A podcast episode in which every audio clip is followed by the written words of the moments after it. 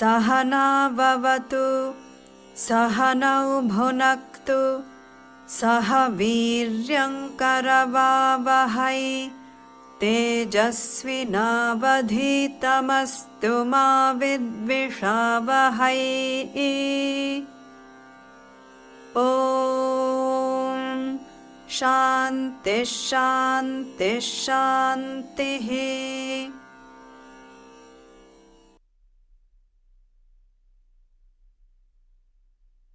Dneska nemáme Petra, tak přivítání je na mě, takže vítejte.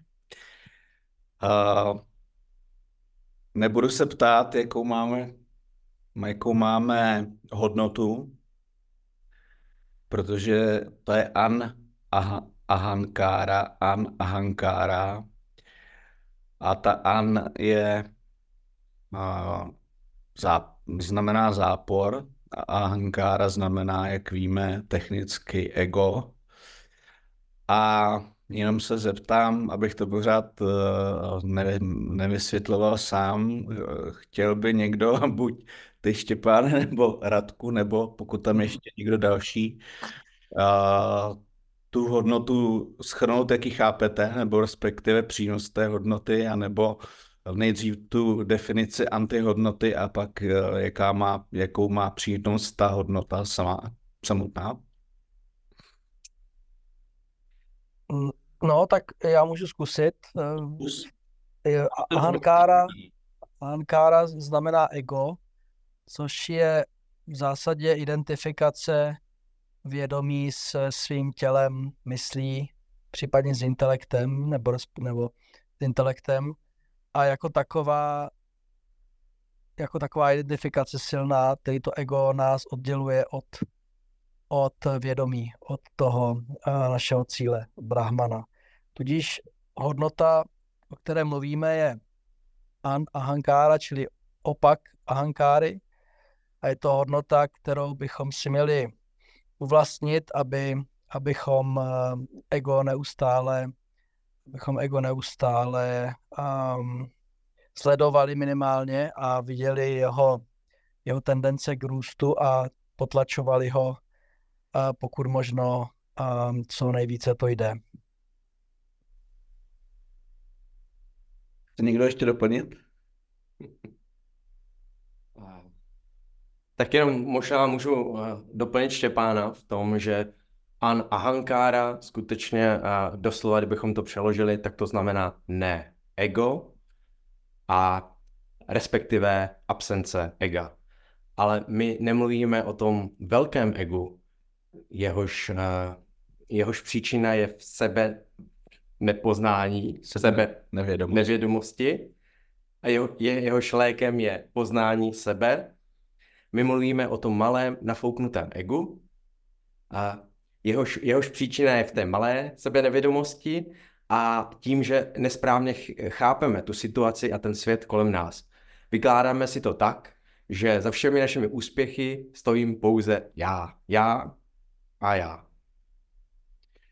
Což toto se někdy nazývá mamakára a právě se říká, že ta mamakára ta je jakoby snadnější, je se zbavit právě pochopením toho, že nejsem jak jsme si minule řekli, celým tím soukolím, ale jsme jedním kolečkem v tom soukolí. A všechno vlastně, co děláme a případně veškeré naše úspěchy a, a, a to, co dosáhneme, není pouze výsledkem našeho úsilí, i když naše úsilí, vědomé úsilí k tomu samozřejmě uh, přispívá, ale jsou tady ve hře i další faktory, které je potřeba brát v úvahu když už si jenom tohle uvědomíme, tak to naše ego samozřejmě poklesne.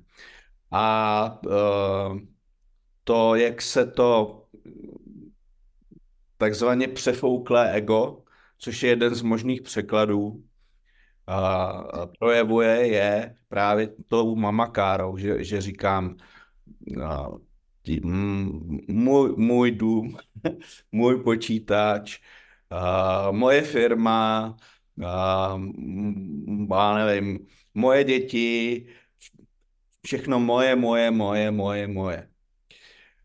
Takže když se přestihneme, a já jsem to všechno zařídil, a jenom já jsem způsobil to, že jsme, já nevím, miliardáři a že jsme tak bohatí a tak dále, tak dále.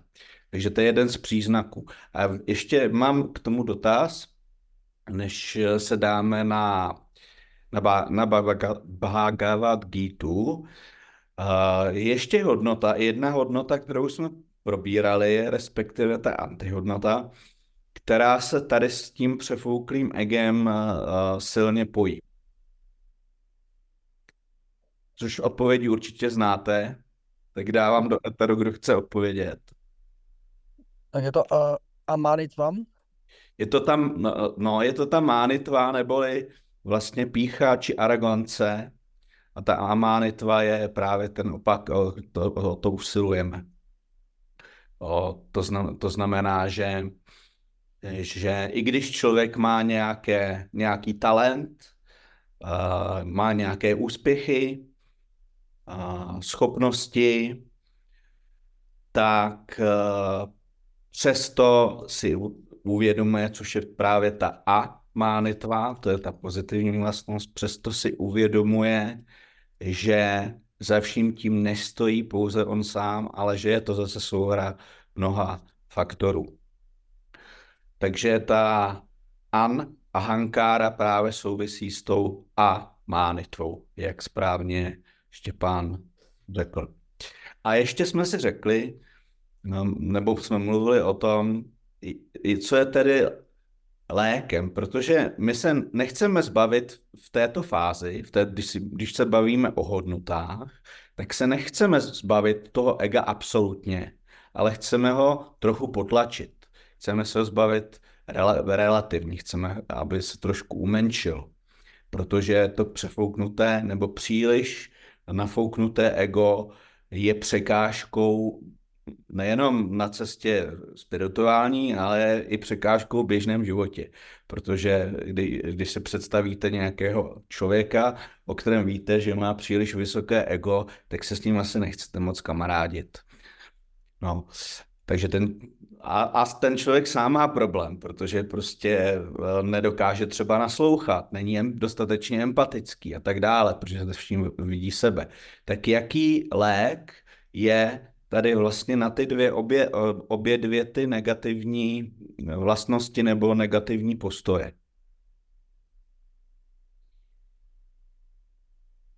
No tak, tak, je, mám tak eh, já si myslím, že v prvé řadě se o to musíme dozvědět, že to tak je a musíme se dozvědět, co je, kde je příčina vzniku ega a čím ego přiživujeme a čím ho naopak umenšujeme. Ano. Takže základem bude určitě ňána, yoga, číst a studovat staré, staré védy a případně Gitu. Ne. A tam se taky dozvíme, že na to jsou dva léky a tím je karma a bhakti yoga, mm. které jejíž, jejíž eh, neustálým procvičováním a eh, bude se to ego snad, doufejme, a téměř jistě umenšovat. Já si myslím, že téměř jistě se to umenšuje u každého z nás, kdo už trošku jsme s, s tou Vedantou přišli do styku. A vlastně jedním z lékem je uh, usilovat o pokoru,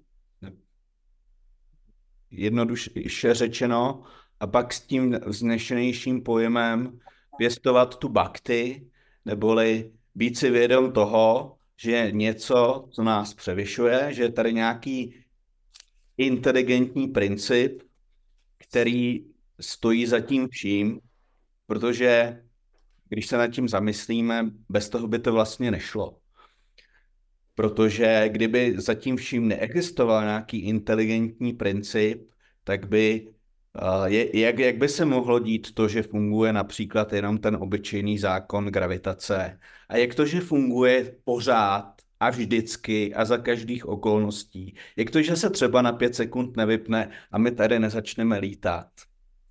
Takže, takže logicky z toho vyplývá, že tady zatím vším je ještě něco, co nejsme schopni úplně naším intelektem pochopit, nicméně je tady nějaký univerzální, můžeme to říkat, univerzální kosmický nebo vesmírný řád. a, a už, už tohle nám právě pomáhá v tom, abychom neměli to ego příliš nafouklé. Začali jsme právě v lednu, řekněme, relativně jednoduchou hodnotou na vysvětlení, ale, ale ne vždycky úplně snadnou hodnotou na to potom v praktickém životě ji dodržovat. A vlastně, eh, jak eh, myslím Štěpán správně podotkl, ono je tam de facto dvakrát, hned na začátku je tam eh, ve formě té mánitvy a my pěstujeme, chceme pěstovat tu amánitvu a pak je tady znova ve formě to spíš toho té mamakáry, kdy vlastně vidím jenom sebe a, a nevidím ty ostatní, a nejenom ostatní lidi, ale i ostatní a, principy nebo ostatní a, skutečnosti, které přispívají k tomu, že se mi třeba daří, nebo naopak nedaří. Ale je, je právě dobré si udělat tady tu analýzu, o čem si vlastně se Štěpánem mluvil, což k čemuž vlastně ani nepotřebujeme védy nebo Bhagavad Gita. Stačíme, stačí, když se nad tím jenom sami sami zamyslíme, uděláme si pro sebe tu analýzu.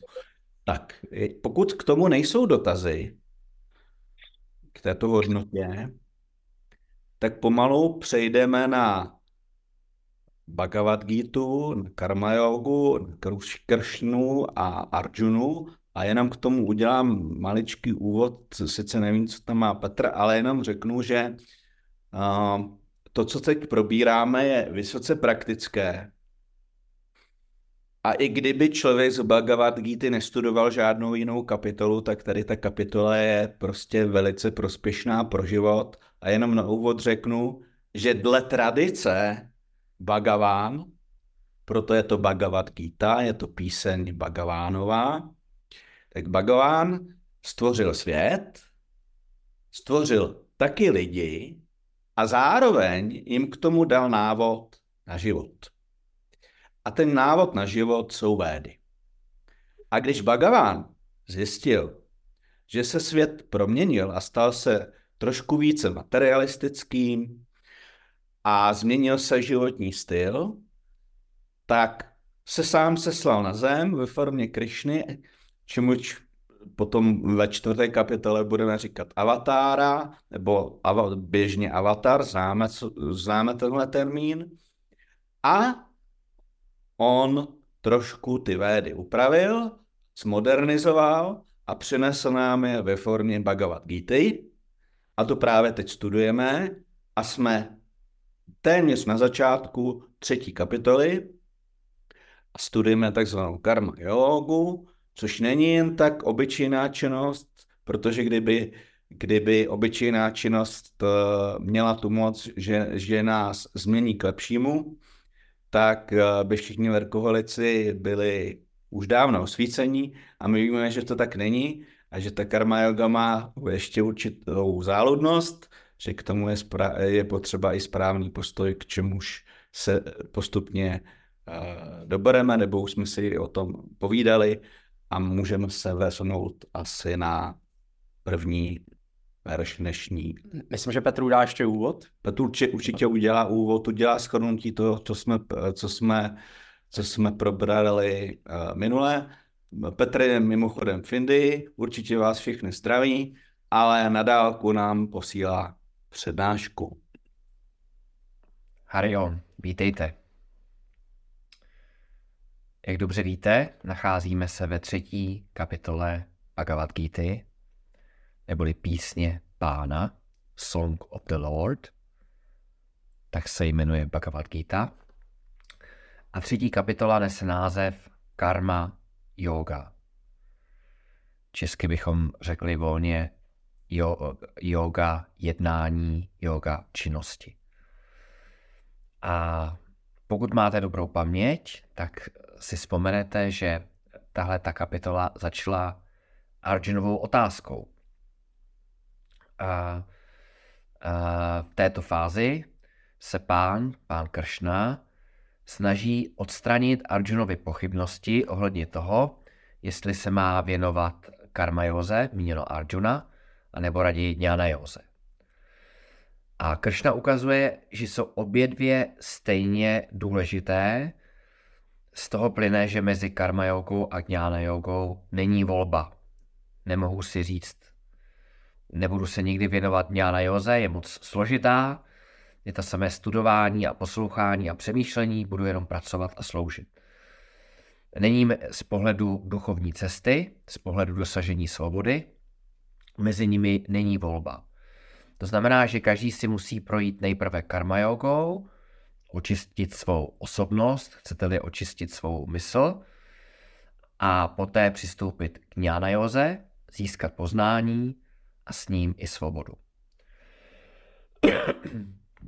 To znamená, že eh, je skutečně nezbytné projít ve finále ňána jogou, kterou také definujeme hezky v sanskrtu Guru Shastra Upadesha Shravanam. Guru je učitel, šástra je písmo, Upadesha je rada nebo také výklad písma, Shravanam je naslouchání. Takže chce se tím říci, že jnana yoga, její esencie, esencie guru šástra upadesha shravanam, neboli naslouchání výkladu písma od kompetentního učitele. A je pravda, že na jedné straně nemáme volbu mezi karma jogou a dňána jogou, ale jednu volbu máme, důležitou, v tomto kontextu a to je volba našeho životního stylu. Buď můžeme zůstat hospodáři, práci, domácnosti, aktivní občané, bychom dneska řekli, a nebo se můžeme stáhnout do ústraní a tomu eh, písmo říká sanyása.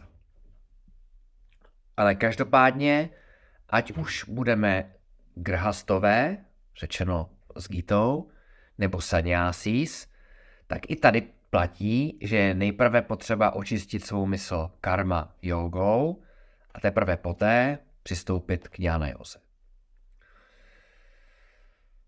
Ta otázka, jaký ashrama uh, zvolit, uh, je jednoduchá, ale není na ní tak jednoduchá odpověď, protože ta volba se odvíjí od konkrétního studenta, chcete tedy říci konkrétního hledajícího.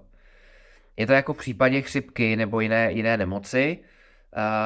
Lékař nepředepíše jeden a ten samý lék ve stejné dávce všem pacientům.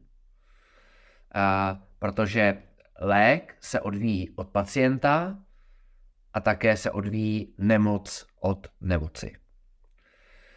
A Kršna to vysvětloval, vysvětluje a důležitou poznámku, kterou udělal, možná ne tak důležitou pro členy naší skupiny, a, a sice, že sanyása ashrama je obtížnější, pro většinu lidí rizikovější volba. Není zdaleka pro každého. Takže e, z toho vyplývá, že jsou bezpečnější ty druhé dvě možnosti. E, tou první je celý život se trvat v grhasta ashrama, pracovat, sloužit a i v rámci Grhasta a Šráma přistoupit k Józe, a nebo i tou druhou variantou přejít v nějaké fázi z fáze hospodáře k fázi sanyásího, neboli člověka, který se věnuje téměř výhradně studiu, učení, psaní, diskuzím, meditaci. A minule jsme si ještě ukázali, že aby Kršna tenhle ten svůj postoj podepřel, tak eh, ukázal ve třech mantrách, proč je nutné konat, proč je nutné být aktivní, proč je nutné jednat. A ve čtvrté mantře v zásadě řekl, Arjuno, i když se vyhneš karmě, neznamená to ani osvobození, ani klid mysli.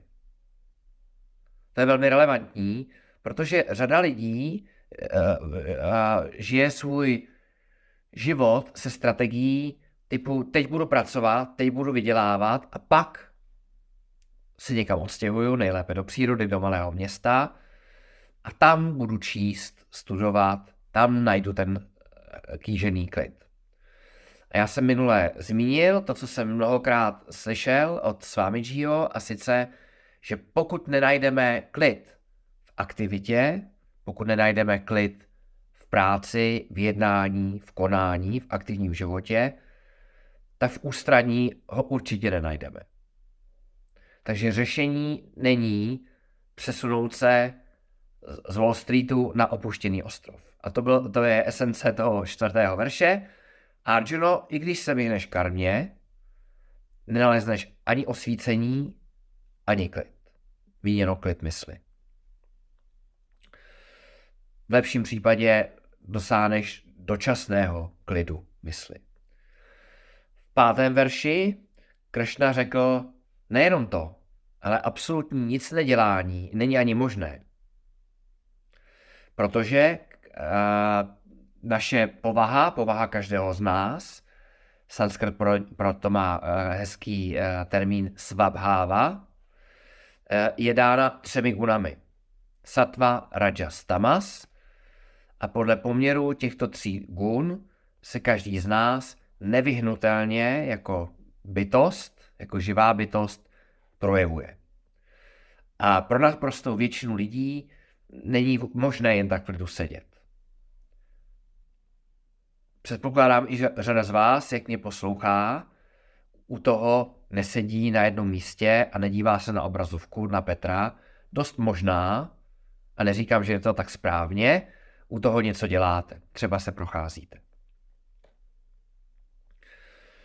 Uh, uvádí se takový příklad jednoho sanyásího v indickém chrámu, který seděl pod stromem a mnoho lidí navštěvovalo ten chrám ne kvůli tomu chrámu jako takovému, ale právě kvůli osobnosti tohoto člověka, který tam každý den seděl od rána do večera.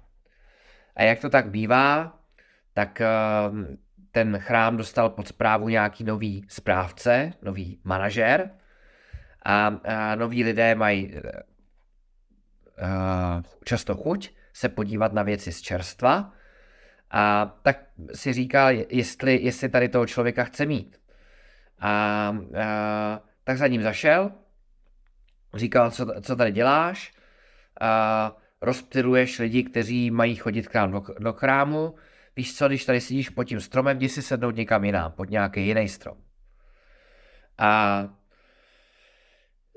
Saňá se ho vyzval a říkal, když pokud si myslíš, že je to tak lehké, nic nedělat, pojď si tady sednout a můžeš tady sedět týden se mnou. Schválně si to dokážeš. A manažer to vyzkoušel a výsledek jistě tušíte, po dvou hodinách to vzdal. A pochopil, že pro, pro nás lidi je nic nedělání obtížnější než činnost. Proč?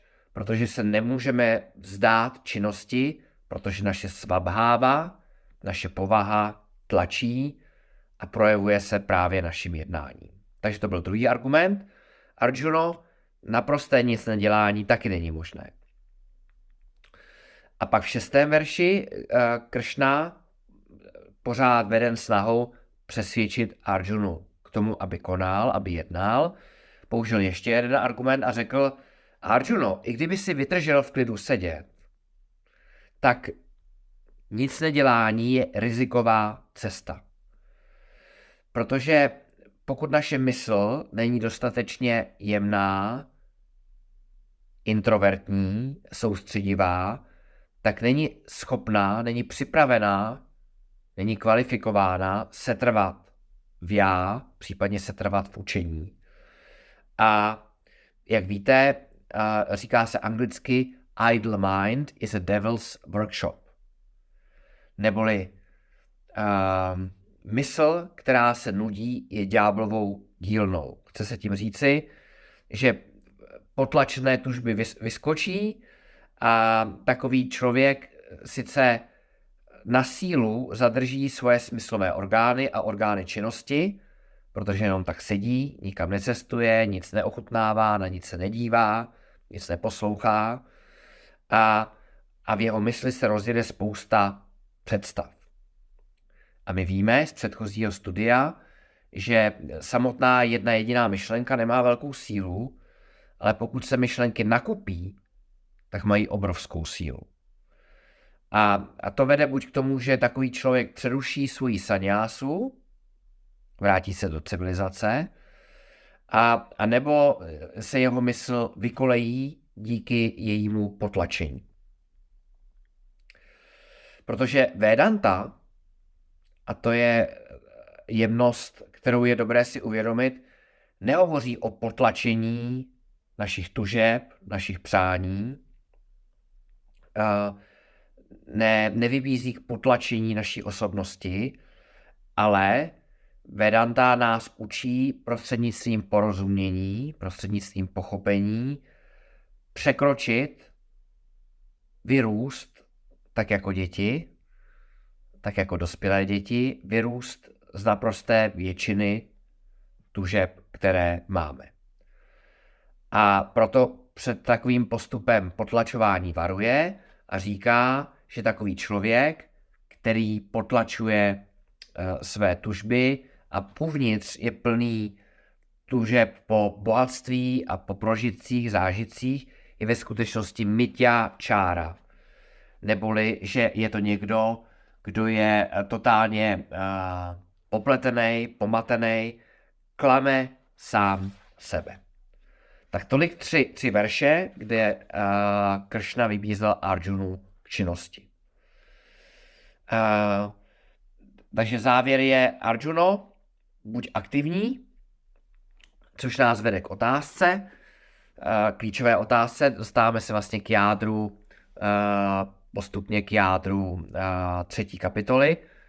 Už víme, že potřebujeme jednat, být aktivní, otázka zní jak.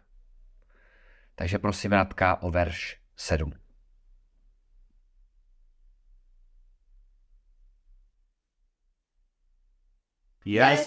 यस्त्विन्द्रियाणि मनसा नियम्यारभतेऽर्जुन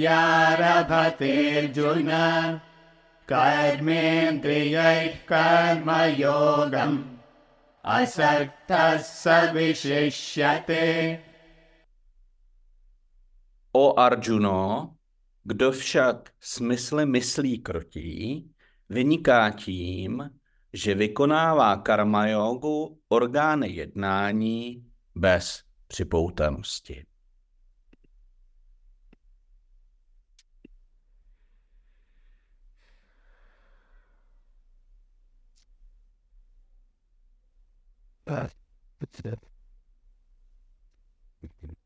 No.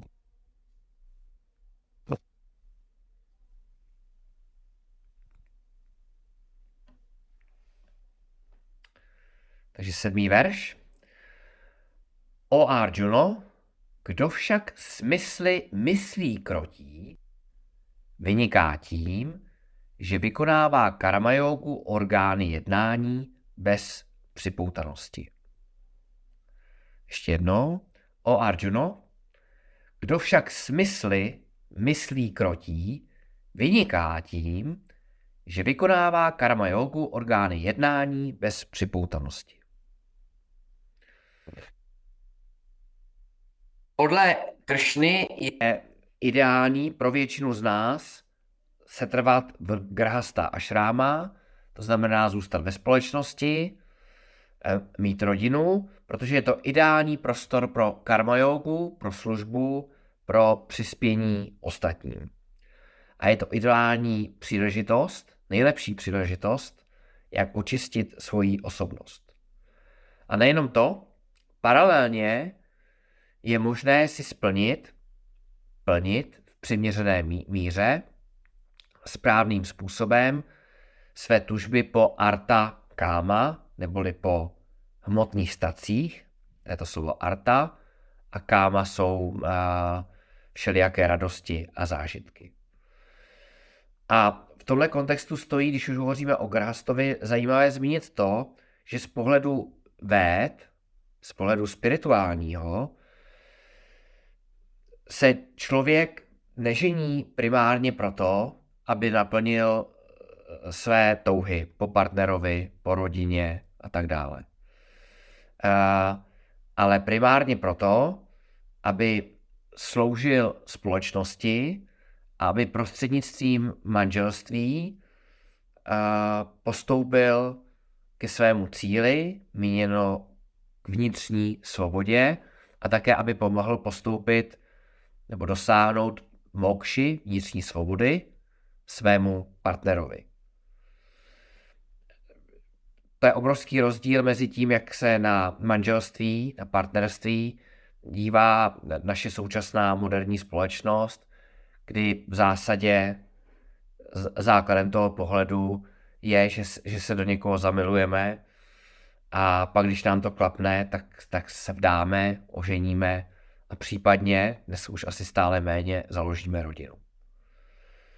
A, a to znamená, že z pohledu Vedanty je primárním cílem manželství služba společnosti a duchovní růst, což neznamená, že s tím nepřijde i radost, potěšení a zábava v přiměřené míře.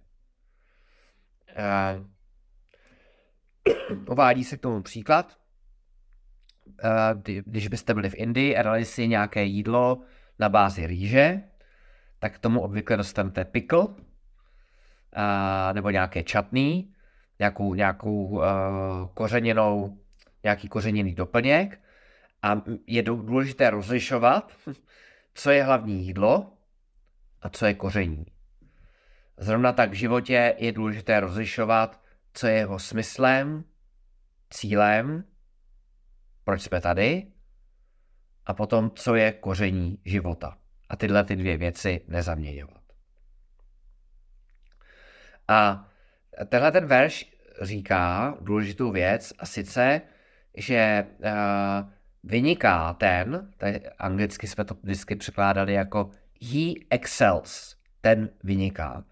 A myslí se tím, že takový grhasta, aktivní pracující člověk, manželka, manžel, rodič, vyniká právě nad tím saňásím, který možná i předčasně někde sedí a zevnitř ho to hryže a, a lituje toho, že se vydal cestou odříkání. A takový grhastá vyniká tím, že nejprve ovládá své smyslové orgány. Indriáni Manasa Niyamya. Indriáni jsou smyslové orgány a Manasa je mysl, zahrnuje v sobě i intelekt. To znamená, že takový člověk kontroluje své smyslové orgány v první fázi. To je právě ta rýže a, a pikl, o kterých jsem hovořil v tom příkladu. A, a neust, takový člověk si neustále uvědomuje, že arta a káma jsou sekundární, že dávání a přispívání, ať už rodině nebo celku, je to hlavní, to primární. To znamená, že pokud by vedl nějaké osobní učetnictví, a má dáti dál, tak vždycky na té straně, kde se zachycuje to, co jsem dal, to, co jsem dal společnosti a to, co jsem dal druhým, je přebytek. A já si vždycky vzpomenu v téhle souvislosti na pana profesora Kouteckého, který, když se ho ptali na smysl života, tak mimo jiné, mimo jiné, odpověděl krásně, poeticky, že je to uspokojivý poměr mezi tím, co jsem od života dostal, od druhých dal a co jsem dal já druhým. To znamená, že tady v Honzově překladu, kdo však smysly myslí krotí, míněno smysly svým intelektem krotí, to znamená vyhýbá se požitkářství, vyhýbá se extrémům a, a vyhýbá se jim tak, že rozlišuje, to je, to je to slovo, které známe, vyvéka, rozlišuje a v každém okamžiku rozlišuje mezi tím, co je správné, co je špatné, co je přiměřené a co už postrádá zdravou míru, čeho je příliš. To znamená, takový člověk, na rozdíl od toho pokrytce, nezarazí, nezabloku, nezablokuje svoje smyslové orgány, on je pouze kontroluje a usměrňuje. Jako když přehradíme velikou řeku, tak vodu nejprve schromáždíme a nejsme schopni ji zastavit zcela, protože by buď přehrada přetekla, anebo v horším případě se protrhla. Ale my jsme schopni, jako lidé, jako šikovní lidé, tu vodu shromáždit a potom ji žádoucím způsobem a směrem nasměrovat. A podobně zachází se svojí energií, se svými orgány jednak smyslovými a se svými orgány jednání grhasta. Takže Vedanta jde střední cestou a říká, nepotlačuj své smyslové orgány, ale zároveň nedovol, aby oni ovládali tebe. Protože my víme, jenom my studenti Bhagavad Gita, že jak mysl, tak intelekt, tak smyslové orgány a tělo jsou našimi nástroji. A našimi nástroji jsou jenom do té míry nebo do té doby, dokud my ovládáme je. Nástroj by neměl ovládat nás. Tak to je první část verše a, a, a to nás vede k tomu, co by měl karma yogi udělat poté, co skrotil, ovládl své smyslové orgány. No, měl by se pustit do karma yogi.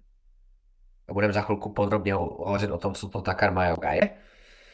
A, a měl by to dělat tak, že e, nebude připoután bez připoutanosti. Asakta bez připoutanosti. E, proč? Protože grásta a šráma, život hospodáře, život v rodině, život v práci, není pořád ještě cíl sám o sobě, je to pouze prostředek.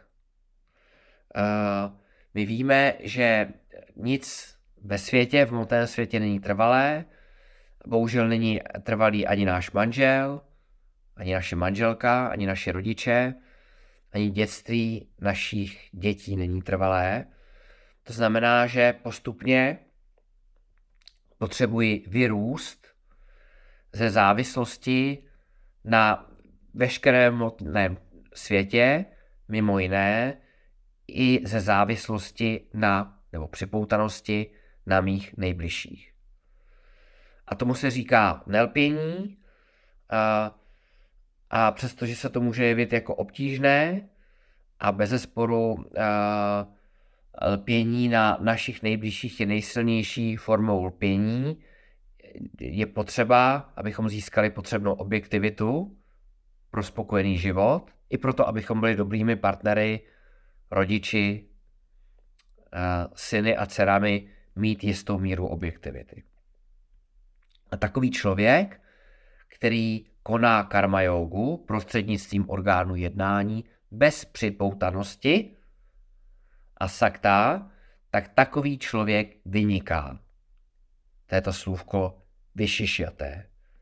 A vyniká nad tím saňásím, který si třeba předčasně, a možná zbrkle, zvolil saňásu, i když na ní nedozrál.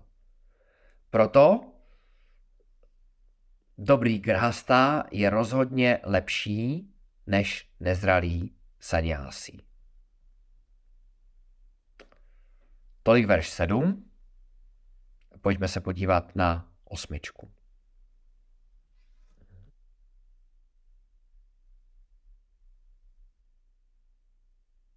नियतं कुरु कर्म त्वं कर्म ज्यायोग्यकर्मणः शरीरयात्रापि च ते न प्रसिद्ध्येद कर्मणः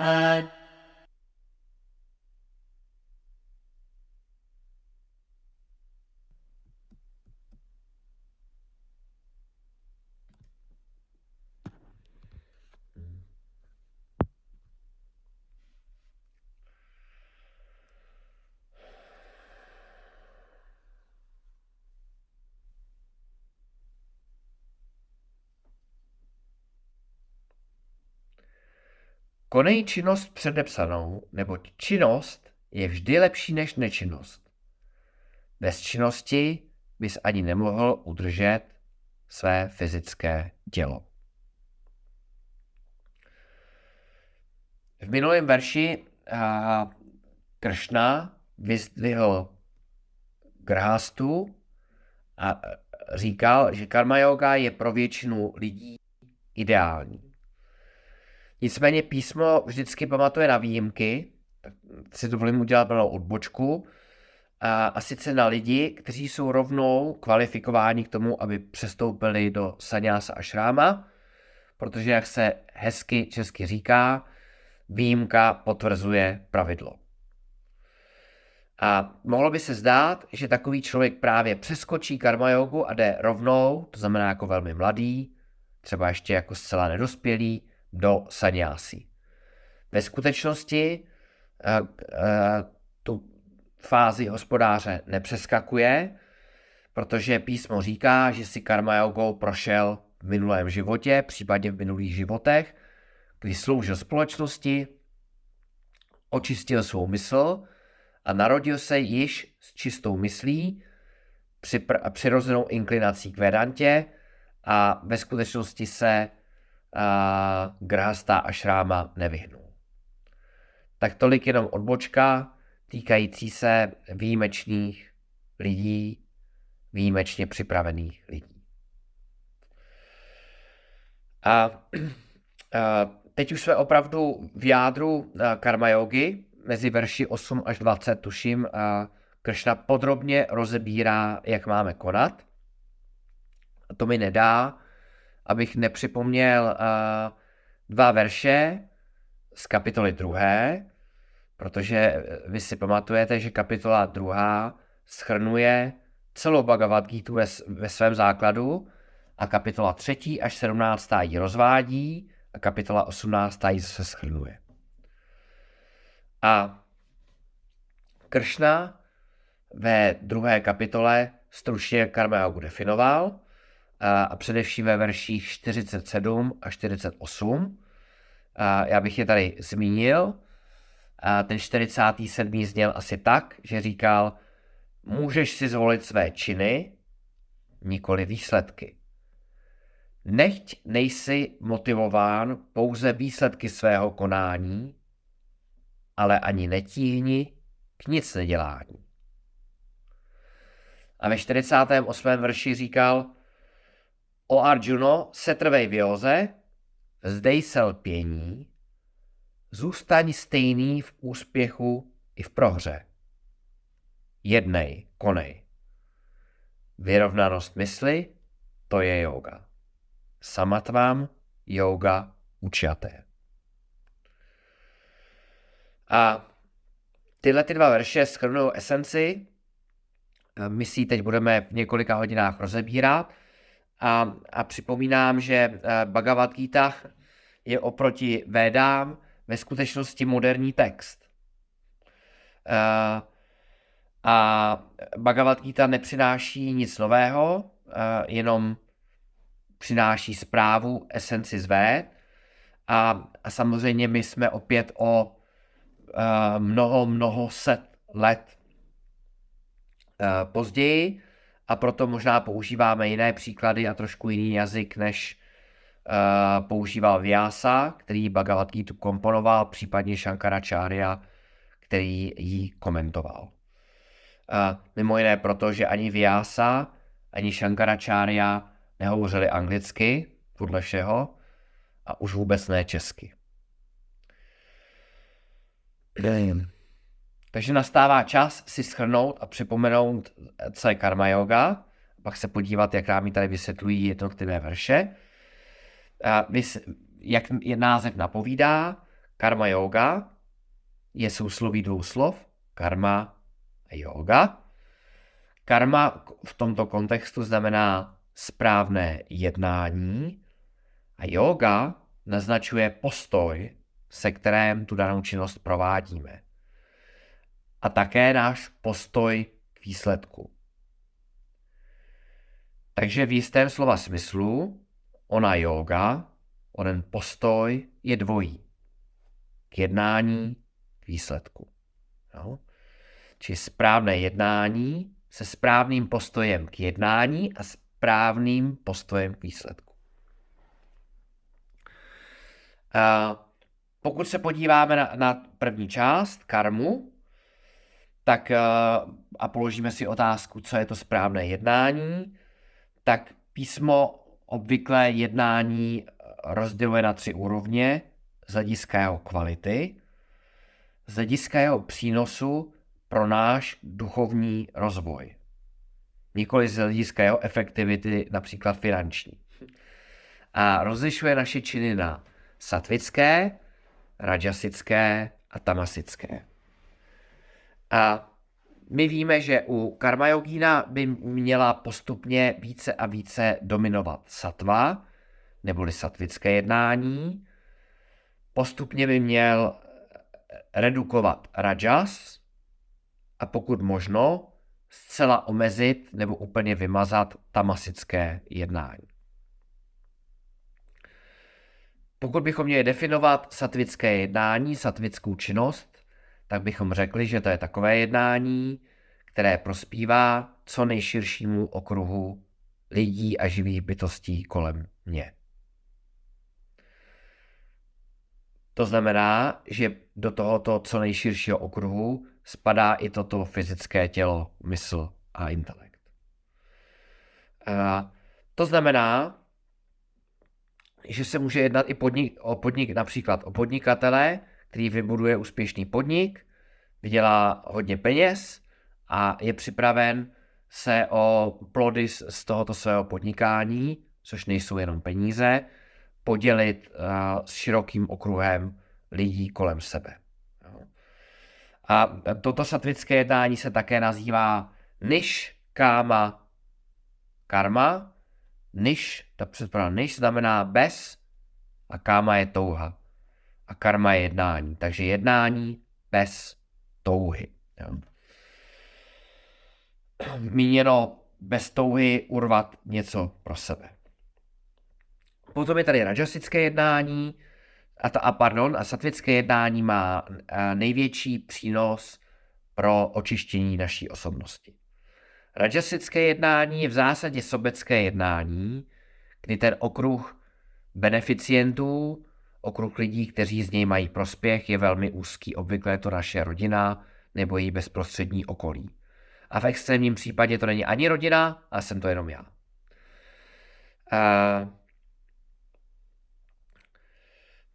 Toto jednání nás ne, v zásadě neočišťuje a na duchovní cestě nikterak neposouvá.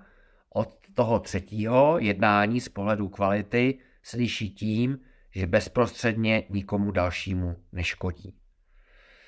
Protože tamasa karma je takové jednání, kdy proto, abych získal nějaký prospěch, nějaký benefit, tak jsem připraven škodit a ubližovat lidem a živým bytostem kolem sebe.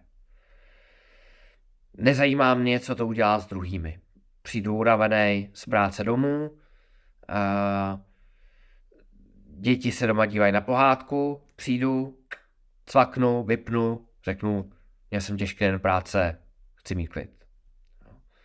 Nebo přijdu, přijdu z, z kanceláře, prohlásím, tady nějaké vedro v létě, pustím klimatizaci, aniž bych se ostatních zeptal. A, takže tolik rozdělení karmy, neboli jednání z hlediska kvality, na satvické, rajasické a tamasické. A myslím si, že pro každého z nás je užitečné se průběžně dívat na to, jak velkou část dne našeho aktivního času věnujeme těmto třem okruhům. Tamasické jednání by mělo být na nule, rajasické by mělo být v přiměřených mezích a satvické eh, by mělo dominovat. Takže tolik karma z hlediska kvality.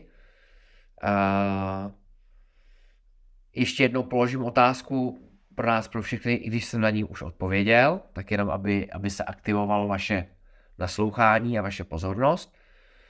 A proč je satvické jednání nejlepší z těch tří? Satvické jednání je z pohledu Vedanty nejlepší, protože vede k nejrychlejšímu spirituálnímu pokroku.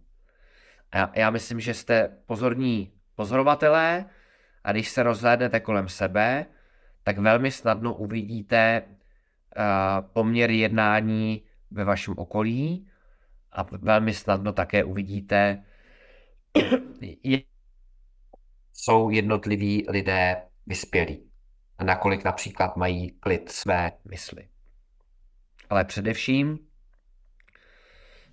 a to bych rád zmínil, Vedantu studujeme primárně proto, abychom kultivovali svoji osobnost a následně vnější svět, nikoli proto, abychom monitorovali a korigovali ostatní lidi kolem sebe. A písmo jde ještě dál a říká nejenom tohle jednání je vysoce kvalitní, tohle je průměrné, tohle je škodlivé a dokonce nám říká, dává základní návod na to, jaké činnosti bychom měli vykonávat. A ty takzvané panča maha jagňas právě spadají pod satvickou karmu. Uh, panča maha jagňas česky znamená pět velkých nebo také pět vznešených činností. Panča je pět, Maha jako Mahátma, velký duch, čili pět velkých a Jagňa je náboženský rituál, v tomto kontextu je to uh, i činnost jako taková. A, a těch, těch činností je pět. Deva Jagňa, Pitr Jagňa, Brahma Jagňa, Manuše Jagňa a Buta Jagňa.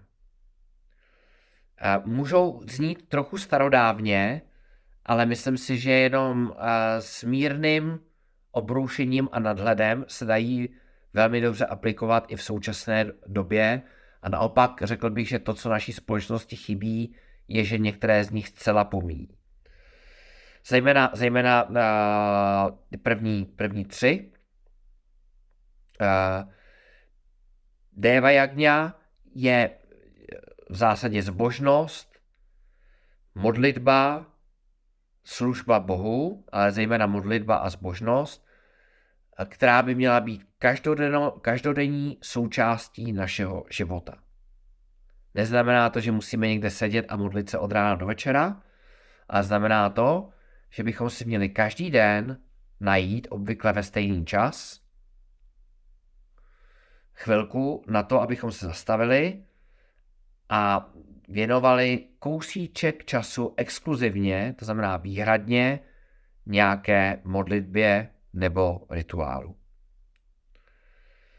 Třeba, třeba uh, Gayatri mantře ráno, případně uh, invokaci, kterou máme na začátku našich hodin, uh, případně mantře, kterou zpíváme nebo ji nasloucháme na konci hodin Vedanty. Takže to je první aspekt, jistý aspekt zbožnosti, aspoň chviličku každý den. Uh, druhá Maha Jagňa je takzvaná Pitr Jagňa, neboli uctívání předků. To znamená, opět každý den bychom si měli najít chviličku času na to, abychom jakoukoliv formou uctili naše předky.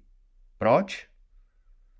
Protože bez nich by tady těchto těch 80, případně víc kilogramů, nebo taky někdy míň, živé váhy vůbec nebylo. A člověk, který necítí vděčnost ke svým předkům, tak je vysoce nekultivovaný člověk. Všimněte si, že všechny staré kultury od azijských, afrických, evropských, amerických, australských, všichni ti aborigines vysoce uctívali pohřebiště a místa předků. Uctívali své předky. A já si pamatuju, že jsme na to měli párkrát diskuzi doma, kdy jsme si chviličku zastavili a opravdu s klukama promluvili o tom, že kdyby tady nebyly ty babičky a dědečkové, a prababičky a pradědečkové, tak by tady kluci, míněno naši synové, opravdu nebyli. A byl jsem překvapený, s jakou jasností a zřetelností to oba kluci pochopili. A poté, co to pochopili, tak eh, to ne, ne, nevedlo k tomu, že by každý den vykonával nějaký rituál k uctívání předků, ale, ale, ale pochopili, eh, nebo respektive získali jistou formu vděku k ním za to, že tady mohou kluci být. Takže Deva Jagňa, nějaká forma modlitby, Pitr Jagňa, úcta k předkům. Třetí je buď Rishi Jagňa nebo Brahma Jagňa, a to je úcta k písmu a k učiteli. Protože, uh, jak jsme si říkali, myslím minulé, uh, řada lidí se domnívá, podle mého názoru milně domnívá, že jenom proto, že jim je 30, 40, 60 a, a jakž takž úspěšně žijou, tak vědí, jak žít. Ale ve skutečnosti uh, život není tak jednoduchý, je dobré k němu použít manuál a tím manuálem je písmo. Mimochodem, nikoho by nenapadlo, uh, že se naučí uh, řídit sám letadlo, nebo že, že uh, může umět hrát na housle, aniž by to trénoval pod vedením nějakého houslového mistra. A podobně i v případě, nebo že se naučí hrát golf bez toho, aniž by mu to někdo ukázal. Podobně i v případě života potřebujeme učitele a potřebujeme návod.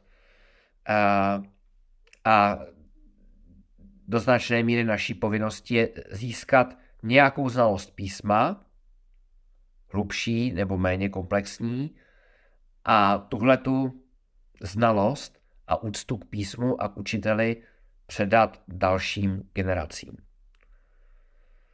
Společnost, která nemá úctu uh, k písmu a k učitelům, je neukotvená. Proto Rishi Jagňa uh,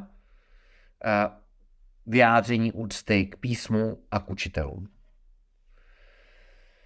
A pak čtyřka a pětka, to je to, co nám z těch, řekl bych, panča, má jagňas tak trošku zbylo v naší dnešní společnosti.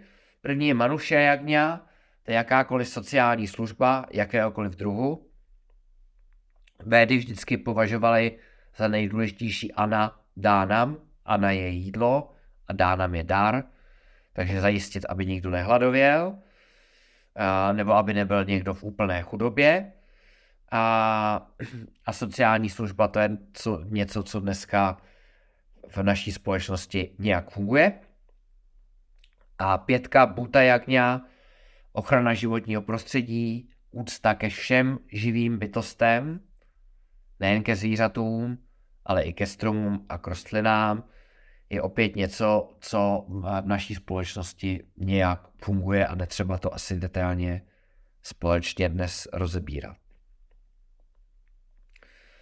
Na závěr bych jenom dodal to, že všech těchto pět je z pohledu uh,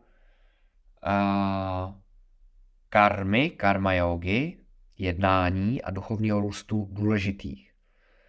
To znamená, že nejde něco z toho úplně vynechat a o to více věnovat něčemu jinému. Což by mohla být tendence řady z nás.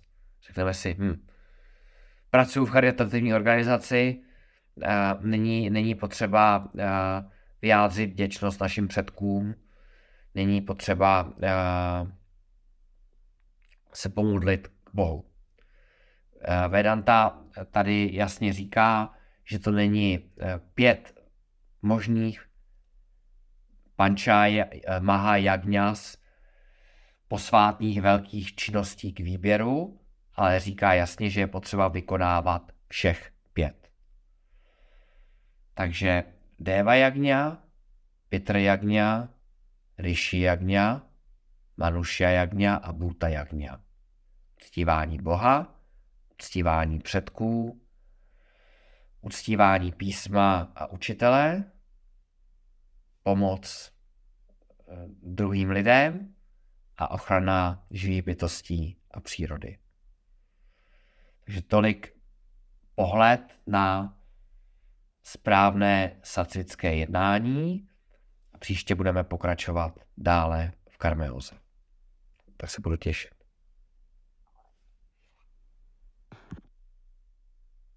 Děkujeme Petrovi a zeptáme se, jestli má někdo nějaký dotaz nebo doplnění. Chci se mu zeptat, uh, odkud jsou ty těch pět činností? Z jakých textů? Uh, jsou, jsou z komentáře, ale jestli, jestli bys chtěl odkaz na nějakou védu te, nebo na nějakou Upanishadu, tak to, to, to nemám. Ale vycházejí z komentáře k té Bhagavad Gita. Protože samozřejmě ta otázka, co je vlastně to satvické jednání, nějaký konkrétnější návod. Máme samozřejmě tu obecnou definici, kterou nám Petr poskytl, to znamená, že to je činnost, která prospívá co největšímu počtu lidí. Ale ještě bych já k tomu dodal, že to neznamená, že máme na druhou stranu zanedbávat ty své jako nejbližší, že to právě zahrnuje jako by všechno, jo? Že někdo má třeba tendenci pomáhat já nevím, dětem v Africe, ale sousedovi nákup nepřinese. Tak to není ta správná činnost. Ta má právě zahrnovat všechny ty činnosti. To znamená, pomáhám i sousedovi a můžu pomáhat i třeba dětem v, Af- v Africe. No a ta, těch pět velkých činností, uh, podle mě s tím přišel uh, Shankaracharya, který vlastně systematizoval celou tu Vedantu a Eh, blíže je, je, je specifikoval. Aha. Jo, díky. A ještě ta úcta k Bohu, není to bhakti yoga? Je to v podstatě bhakti yoga a jak Petr říkal, není jako třeba dělat eh, žádné velké eh, činnosti typu chodit do kostela, modlit se a tak dále. Stačí opravdu třeba jenom krát, krátce si denně eh, vyhradit minutu, zavřít si oči a říct si párkrát om namašivája, om namašivája a, a stačí to, jo. A nebo my samozřejmě víme, že to, co se praktikuje třeba, myslím, že už to tam všichni byli skoro uh, ve té akademii, před každým jídlem se, se uh, vlastně zpívá jeden verš z Bhagavad Gita, to Brahmarpanam, Brahmahavi a tak dále. A už to stačí.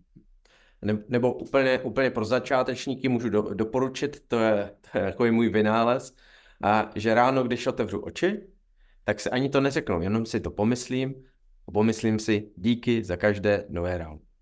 No, je to v podstatě bakty, máš pravdu. Jo, těch, těch možností je spousta. A vlastně každý, každý si může vybrat to, tu, která, která mu nejvíc vyhovuje. A máme mezi sebou lidi, kteří prostě třeba chodí každou neděli do kostela to je naprosto v pořádku. Tak, můžeme na závěrečnou mantru? Om Purnamadav Purnamidam Purnat पूर्णमुदच्यते। पूर्णस्य पूर्णमादाय पूर्णमेवावशिष्यते। ॐ शान्ति शान्ति शान्तिः